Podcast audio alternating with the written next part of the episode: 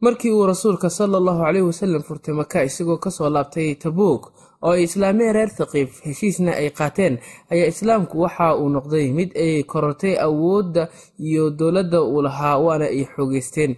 Waxa uuna ku faafay islaamka inta badan beelaha carbeed ee degan jasiiradda carabta sannadkii sagaalaad ee hijiriyada waxa ayse soo markaasi dabadhacay wufuud carbeed oo nebiga ku soo wajahnaa waana ay soo kordhayeen ilaa sanadkaasi loo bixiyey sannadkii wafdiyada sababtoo ah xilligaasi wixii ka horreeyey waxa ay ahaayeen beeluhu kuwa ka warsugaya markaasi halka uu ku dambeyn doono dagaalka u dhexeeya qoraysh iyo nebiga naxariisii nabadgeli korkiisa haatee markuu islaamkii guulaystay iftiinkiisana uu noqday mid isku xidhay maka iyo madiina ayay bilaabeen. Beeluhu in ay soo islaamaan diinta islaamkana ay qaataanoo wufuuddii ayaa waxa ay sameeyeen in ay iska soo dabadhacaan musiina qabiilkaasi waxa uu kaga horreeyey qabiilada kale soo dirista wufuudda waxa ay u yimaadeen nebiga naxariisi nabadgelyo korkiisa haatee sannadkii shanaad ee hijiriyada ayagoo ka koobnaa afar boqol oo nin. Kolkii ay damceen in ay laabtaan cumar ayuu faray rasuulka sala allahu caleyhi wasalam inuu siiyo sahay. Waxa uuna cumar ku yidhi nebiga waxaan hayaa oo keliya timir. Mana u malaynayo in uu wax u tarayo timirtaasi duulkan. Nebiga ayaa markiiba waxa uu yidhi tag oo u soo qaad. Sidii ayuuna markaasi yeelay cumar oo waxa uu galay gurigiisii mise waaba timirtii oo sidii awr qurux badan. Dadkii safrayay ayuu siiyey iyana waa ay ka qaateen kadibna waa ay baxeen. Waxa uu yidhi nucmaan bin muqrin ninka la yidhaahdo oo ahaa qofkii wariyey qisadan waxaan ahaa qofkii ugu dambeeyey ee baxa. Nucmaan ayaa waxa uu ka sheekeynayaa timirtii uu siiyey cumar iyo mucjisooyinkeedii waan eegay buu yidhi mise waa timirtii markii horeba ku jirtay wafdigii cabdi alkays kolkuu joogay oo sideedii ah. Wafdigii cabdi alkays waxaa u yimid rasuulka sala allahu caleyhi wasalam wafdi ka socda reer cabdilkays iyagoo saddex iyo toban nin ah waxa ay ka yimaadeen tuulo baxrayn ka tirsan. Ujeedkooduna waxa uu ahaa in nebiga naxariisii nabadgelyo korkiisa aatee sannadkii shanaad ee hijiriyada ay u yimaadaan oo ay markaasi islaamka la gorgortamaan ama la heshiiyaan. Waa uu soo dhoweeyey xilligaasi nebiga waxaanuu yidhi soo dhowaada idinkoo aan la idin canaanan oo aan la idin hoojin waxa ay weydiiyeen nebiga sal alla alay slam arrimo badan kadibna waxa uu ku yidhi arrinkiinu waa afar in aad ilaahay rumaysaan ma garanaysaan waxa ay tahay ilaah rumaynta.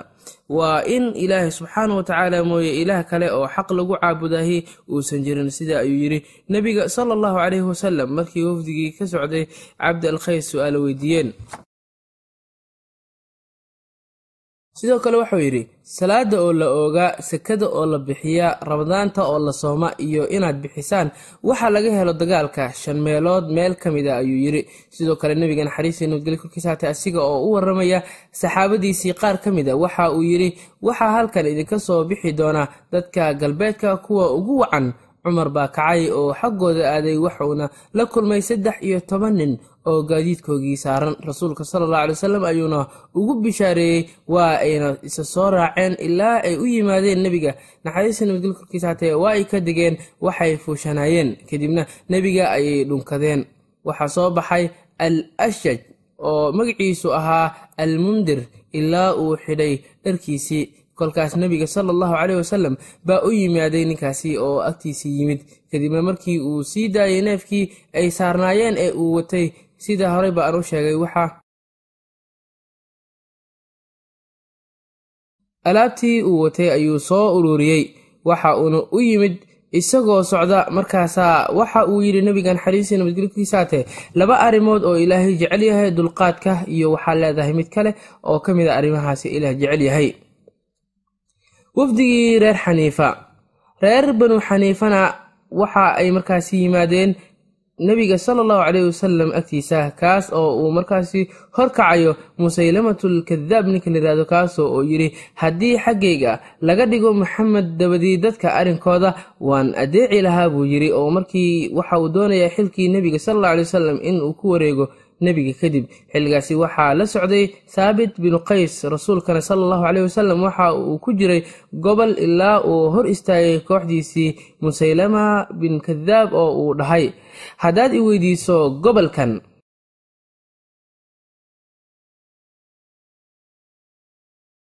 Kuma siinayo dibna kugu soo laaban mayo arrinka ilaahay subxaanahu wa tacaala. Haddii aad wax dhagarto waan ku boqnagoynayaa ilaah baan ku dhaartee wallaahi waxa kaa arkaa waxa aan ka arko kana waa saabit binu qays isaga ayaa idiin jawaabi doona. Kadibna waa uu baxay rasuulka sal alla alay wasalam musaylamana waxa uu ku degay gurigii bintu xaarith ee diyaarisay wafdiga aynu u diyaarisay wafdigaasi. Waxa uu diray rasuulka sal alay wasalam warqad uu ugu dhiibay cumar bin umaya taas oo ahayd mid markaasi ugu yeeraysa islaamka. Asna jawaab ayuu u soo qoray kolkii ay gaadhay warqaddii sidan bayna ahayd. Waxa ay ka timid musaylama waxa ay ku socotaa rasuulkii ilaahi maxamed sala allahu caleyhi wasalam nabadgelyo korkaaga ha ahaato. Intaa dabadeed waxaan kaa qayb markaasi geliyey xilka. Waxaa anaguna leenahay dhulka markaasi barhkiis qurayshna waxay leedahay barka kale. Hayeeshee nimankan qureysheed waa kuwo markaasi xadgudbaya. Waxaa lagu sheegay kitaabka laba rasuul. Waxa uu ku yidhi rasuulka sal alla alay wasalam maxaad odhanaysaan idinku waxa ay yidhaahdeen haddii ergadu aanay ahayn markaasi kuwo aan la dilo ay qoorta ayaan ka jari lahaa buu yidhi oo qoorta ayaan ka goyn lahaa rasuulka sal slam waxaa u qoray warqad waxaan ku bilaabayaa buu yidhi rasuulka. Magaca ilaahi naxariis mid guud iyo mid gaaraba waxa ay ka socotaa maxamed rasuulka sala allahu caleyhi wasalam waxayna ku socotaa musaylama beenaalaha ah nabadgelyo ha ahaato ciddii raacda hanuunka. Intaa dabadeed waxa uu ilaahay dhulka dhaxal siinayaa ciddii uu doono ee addoommadiisa ka mid ah. Waxaana markaasi ciribta dambe iska leh dadka ilaahay ka cabsada ee muslimiinta ah. Sida ayuu yidhi rasuulka sal alay wasalam warqadii uu qoray ee uu u qoray musaylamatulkadaab ninkii hogaaminayay qabiilkii halkaasi yimid ee nebiga sal alay wasalam uu la kulmay. Wafdigii najraan waxaa yimi alcaaqib iyo al sayid waxaa soo raacay nebiga naxariistii nabadgelyo korkiisa haatay iyagoo hogaaminaya wafdi. Islaamka diinta islaamka ayuu markaasi ugu yeeriyey. Markaasi nebiga sal ly salam waa ay diideen in ay islaamaan. Kadibna waxa uu ugu baaqay habaartan. Markii ay soo degtay aayadda markaasi habaartanku uu quseeyo ina mathali ciisa cinda allahi kamathali aadama khalaqahu min turaabin huma qaala lahu kun fayakuun faman xaajaka fiihi min bacdi ma jaءaka min alcilmi faqul tacaaluu nadcu aabaa'ana waaaba'akum wnisaa'una wnisaa'ukum waanfusana waanfusakum huma nabtahil fanajcal lacnat allahi cala alkaadibiin aayaddaasi qur'aankii kariimka ah ayaa waxa ay soo degtay xilligaasi oo ilaah subxaanahu wa tacaala uu arrimahaasi ku muujinayey kuna markaasi caddeynayey waxay jeclaysteen in ducada laga ajiibo. Hase ahaatee way beddeleen iyagoo ka baqanaya in ay haleesho lacnadu oo ay korkooda noqoto. Waxayna ka codsadeen nebiga sal ly salam in ay bixiyaan gibir. Waxa uu raaciyey abuu cubayda caamir binu jaraax isigoo markaasi ku sameeyey ama u bixiyey xogeynta ummadda. Waxaana shaki ku jirin in ay jisyadu ku xidhi doonto dowladda islaamka una jarayso markaasi xidhiidh ruumiyiinta intaa kadibna ay dhabarkooda kaga imaan doonto oo ay iska ilaalin doonaan iska hor imaad weyn oo shaam ka dhacana uu jiri doono. Wafdigii reer bani caamir waxaa u yimid rasuulka sala allahu caleyhi wasalam wafdi ka socda reer banu caamir kuwaas oo uu ka mid ahaa caamir bin tufayl ninka la yiraahdo oo ka tirsanaa qabiilkaasi.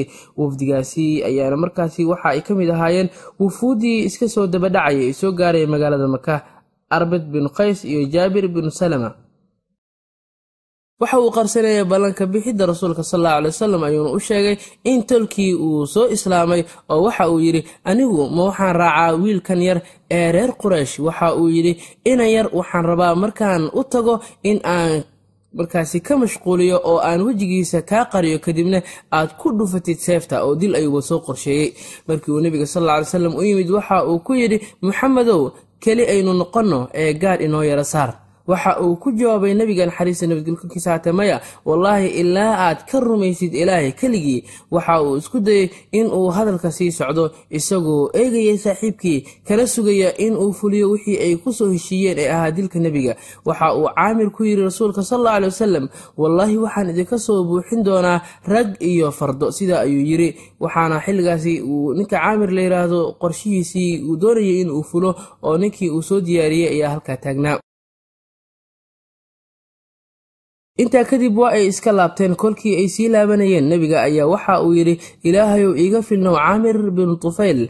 Caamir waxa uu markaasi jeclay arbad isagoo ku leh markaasi hoogaage. Maxaad u samayn weyday wixii aan ku idhi. Ninkaasi arbad la yidhahdo waa ninkii uu kula soo ballamay in nebiga sal alla alay wasalam uu seeftala dhaco kadib markii uu mashquuliyo. Ilaah baan ku dhaartay ma joogo dhulka qof. Markaasi kaa fulaysan ayuu yidhi caamir asigoo la hadlaya ninkii nebiga inuu dilo uu doonayay. Waxa uu yidhi arbad ninka la yidhaahdana aabbaha waaye ha igu degdegin. Wallaahi markaas oo aan damco in aan fuliyo wixii aad ifartay waxaan arkayay wax isoo aadaya oo doonaya ani inuu idilo adiga iyo maxamedne miidaan arkayn marka waan baqay buu yidhi oo waa ay ii suurageli weysay oo aad ayuu u baqay. Seeftana waa uu la aadi kari waayey sababtoo ah waxa uu arkay wax aanay arkayn dadka halkaa jooga oo nebiga difaacaya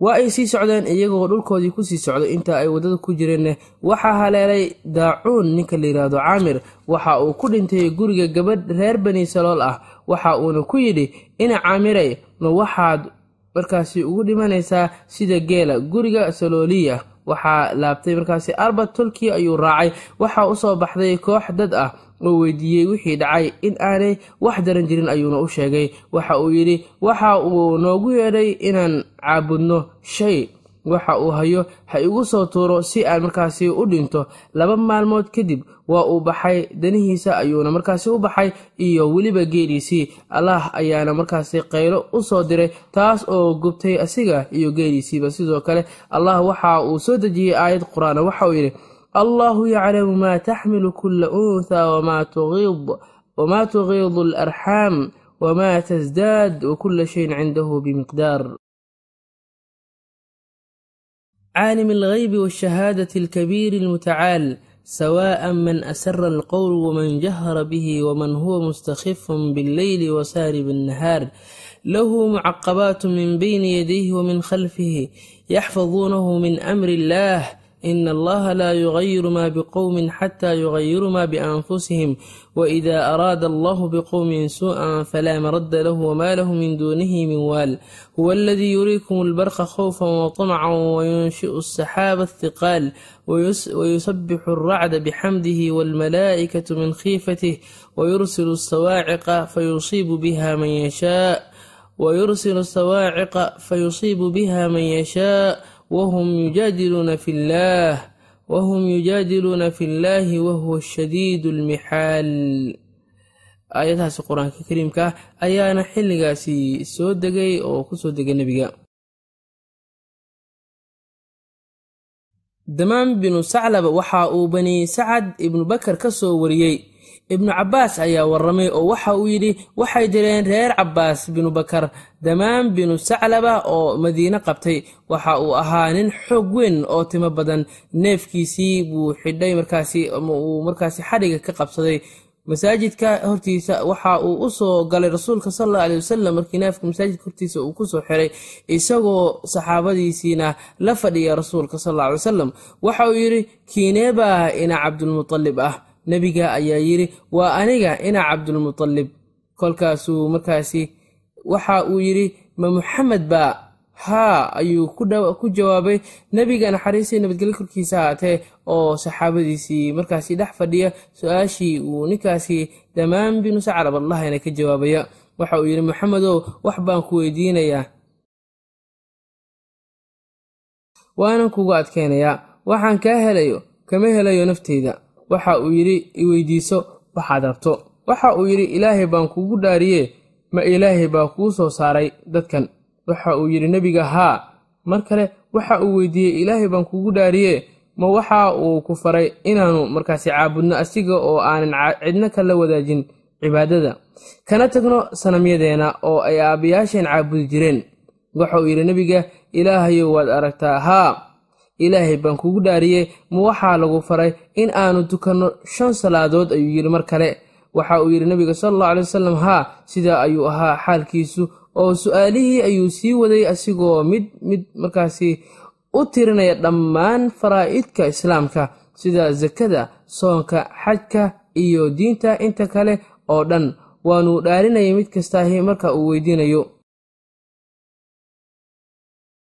ilaa uu dhammeeyey oo uu yidhi waxaan qirayaa ilaahay mooye ilaah kale ma jiro oo dhab lagu caabudo. Adiguna waxaa tahay addoonkiisii iyo rasuulkii. Waxaanan gudanayaa faraa'idda waxaanan ka fogaanayaa waxaad iga reebtay. Mana markaasi kordhinaya buu yidhi waxna kuma dari doono.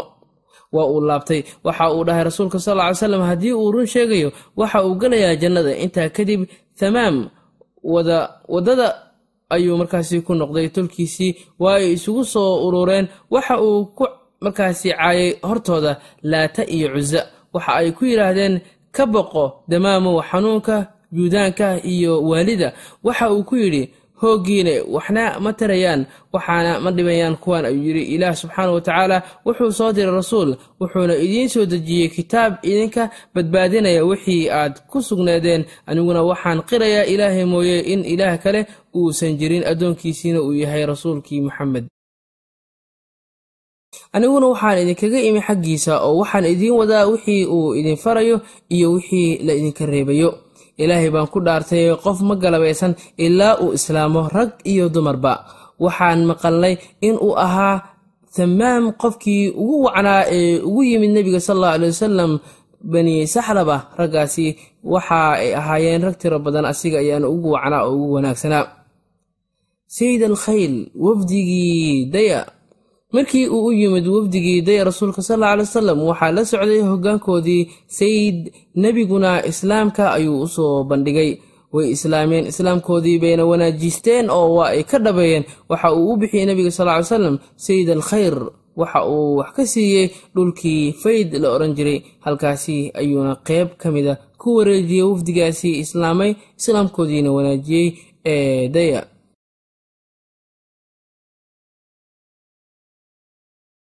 waxa uu u qoray warqad kolkii uu gaadhay halkii biyaha ee biyihiisii qandho aad u daran ayaa markaasi asiibtay oo waa uu xanuunsaday xanuun daran. Deedna markii uu dareemay in uu geeriyoon doono ee geerida ay soo food saartay oo uu dhiman rabo ayaa waxa uu yidhi waa arrin ku habsatay tolkayga.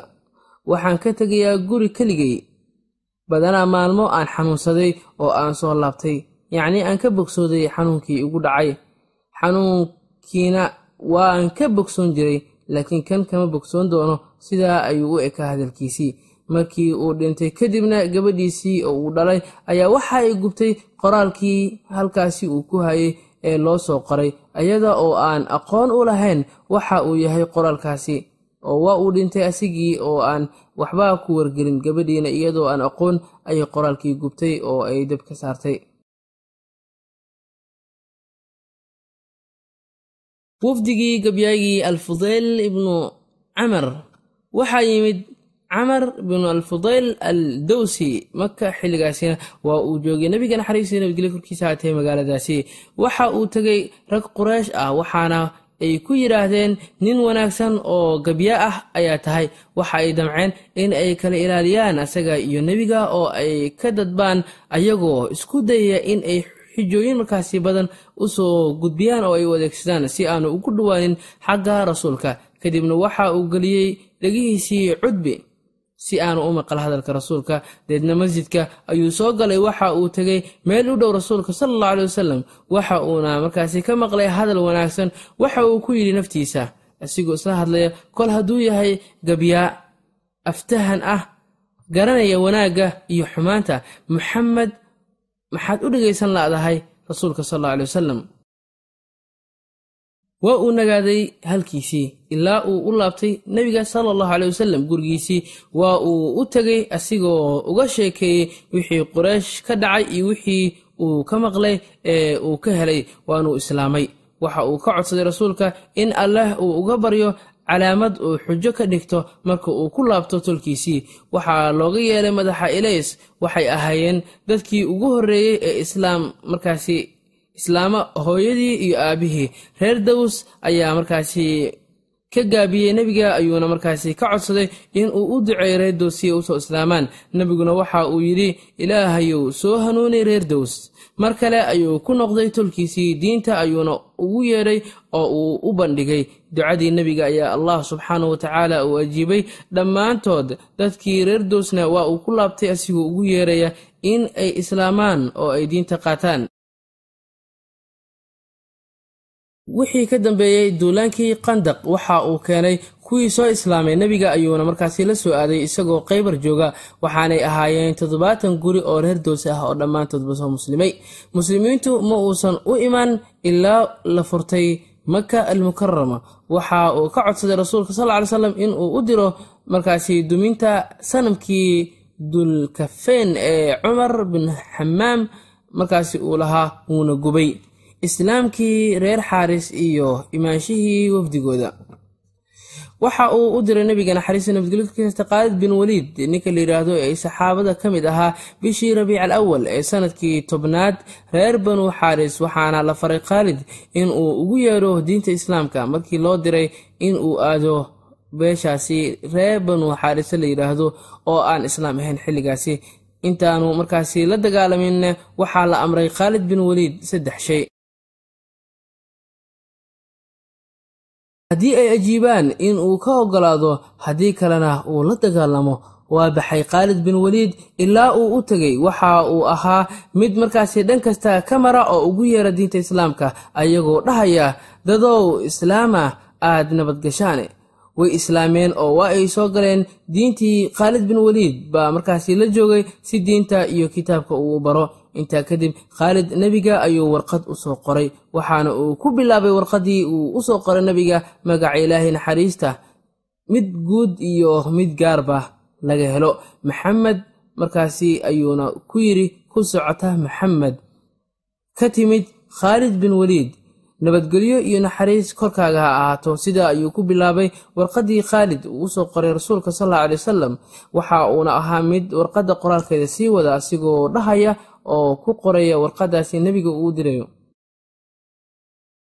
waan ku mahadinayaa waxaana kugu mahadinayaa ilaahay mooye cid kale dhab lagu caabudaahi ma jirto rasuulkii ilaahayow. Waxaad ii dirtay reer banu xaaris. Waxaad i fartay in aan la dagaalamo saddex maalmood oo aan ugu yeedho islaamka kadib. Hadday islaamaanna aan ka oggolaado aan diinta ilaahay subxaanahu watacaala kitaabka iyo sunnaha baro hadday islaamnimada aan ay diidaanne aan la dagaalamo waan tegey waan u bandhigay diinta. Saddex maalmood waan sugay waa ay qaateen diintii islaamka waanan markaasi dhex jooga. Sidaa ayuu soo qoray khaalid bin waliid oo qoomkii loo diray ay ku soo islaameen dacwadii iyo hadalkii uu u jeediyey. Sidaa ayuuna warqaddii nebiga sal alla alay wasalam ugu soo qoray oo u soo diray waxa uuna u soo diray nebiga sal alay slam warqaddaasi si ay u soo gaarto akhbaartaasina uu siiyo. Waxaa sidoo kale warqadda ku qorneed inuu yidhi khaalid waxaan faraa wixii ilaahay faray waxaana ka reebaa wixii ilaahay ka reebay. Waxaan baraa diinta ilaahay iyo sunnada rasuulka sal alla alay wasalam asiga ayaanan ka war sugayaa ilaa uu iiga soo qoro warqad naxariis iyo nabadgelyo. Korkiisa ha ahaatee nebiga nebiga ayaa sidoo kale u soo qoray warqad markaasi jawaab ah markii ay tiisii gaadhay waxa uuna ku bilaabay sidan magaca ilaahay baan ku bilaabayaa ilaahaasi oo naxariista midda guud iyo midda gaaraba naxariista. Ka socota moxamed nebigii iyo rasuulkii ilaahay naxariistii nabadgelyo haatee ku socota khaalid bin waliid nabadgelyo korkaaga ha ahaato waxaan kugu mahad celinayaa ilaahay keligii la caabudo in uu jiro oo ilaah kale uusan jirin. Warqaddaadii waa ay soo gaadhay taas oo aad markaasi ku sheegtay in ay islaameen. Reer banu xaaris inta aanad la dagaalamin oo ay oggolaadeen waxaad ugu yeedhay ee islaamka ah. Oo allah ay qireen in aan la caabudin isaga mooye cid kale. Moxamedna yahay addoonkii ilaahay iyo rasuulkii ilaahay. Inuu ilaahay hanuuniyey ugu bishaaree oo u dig salaantuna ha gaadho wafdigaaga waxaa yimid khaalid bin waliid waxaa la socday wafdi reer banu xaaris ah oo uu ku jiray qays binulxasiin di alqiisa ninka la yidhaahdo yasiid bin cabdilmadaan iyo kuwo kale. Markii uu arkay waxa uu yidhi waayo kuwani waxaabad mooddaa hindiye. Waxaa lagu yidhi rasuulkii ilaahayow kuwaasi waa raggii reer banu xaaris. Markii ay istaageen oo ay salaameen waxa ay yidhaahdeen waxaan qiranaa in ilaahay mooye ilaah kale uusan jirin. In aad adigu tahay rasuulkii ilaahay sala allahu caleyh wasalam nebiguna waxa uu yidhi waxa aan qirayaa in uu ilaahay mooye ilaah kale uusan jirin aniguna aan ahay rasuulkii ilaahay. Waxa uu yidhi ma waxaad tihiin dadka marka la dhibo toosnaada kadibna waa ay aamuseen ninna kumuusan celin wax jawaab ah. Mar afraad ayuu yidhi nebiga sal alla alay wasalam waxaana kolkaa u jawaabay alyasiid binu cabdilmadaan ninka layidhaahdo kaasuu yidhi rasuulkii ilaahayow waxaan nahay kuwo marka loo digo toosnaada rasuulka sala allahu caley wasalam ayaa yidhi haddaanu ii soo qorin khaalid bin waliid warqad wallaahi madaxyadiinnii waxaan hoos dhigi lahaa buu yidhi lugihiina sidaa ayuu yidhi nebiga sala alla aley wasalam mar kale yasiid binu cabdilmadaan ayaa waxa uu yidhi wallaahi adigana kuu mahadin mayno khaalidna u mahad celin mayno. Sidaa ayuu yidhi yasiid bin cabdilmadaan ninka la yidhaahdo ee u jawaabay nebiga ah markii uu nebiga su'aalaha weydiinayay tolkiisii ee soo islaamay. Waxa uu yidhi nebiga yaad ammaanaysaan. Waxaana uu ku jawaabay waxaan u mahad celinaynaa ilaahii nagu markaasi soo hanuuniyey rasuulkii ilaahayow. Waxa uu yidhi nebigu sal alla alay salam run baad sheegtay asigoo u sii raaciyey in uu dhaho yaad ka adkeedeen xilligii hore waxay yidhaahdeen cidna maanan ka adkeen waxa uu yidhi haa waxaad ka adkeedeen ciddii idinla dagaasha waxay yidhaahdeen waan ka adkeen ciddiina la dagaasha rasuulkii ilaahayow. Meel kaste oo aan joogno waannu ismarkaasi imaan jirnay oo waannu iskaashan jirnay. Sidaa bay yidhaahdeen oo dulmi marka uu yimaado qofna loogama tegi jirin. Ee waxay ahaayeen kuwo safka wada mara. Waxa uu yidhi run badan baad sheegtay oo waxaa tahay run badane. Sida ayuu yidhi nebiga sal allahu caleyh wasalam su'aalihii la weydiinay ka markuu ka jawaabay. Wafdigii saqiif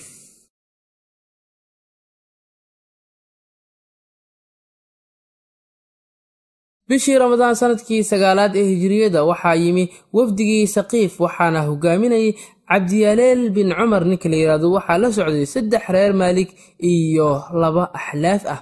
Kadibna islaamnimadoodii bay ku dhawaaqeen iyo islaamnimadii tolkooda. Waxaa nebiga sala allahu caleyh wasalam uu qoray warqad markaasi waxa ay ka codsadeen nebiga burburinta sanamada in ay dib u dhigaan muslimiinta muddo saddex sano ah iyadoo markaasi laga baqayo in ay dadku cadhoodaan waa laga diiday. Hase ahaatee in ay arrintaa qabtaan ayaa laga dhaafay. Waxa uu arrintaa u wakiishay nebiga sala allahu aley wasalam abuu sufyaan iyo almuqiira bin shucba.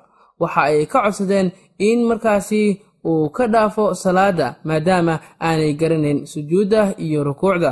Mar kale waa uu ka diiday taana isagoo leh. Wanaag ma laha diin bilaa salaad ah sida ayuu yidhi nebiga sal alay wasalam haddana waxa ay shuruud ka dhigteen in sakada iyo jihaadka laga daayo.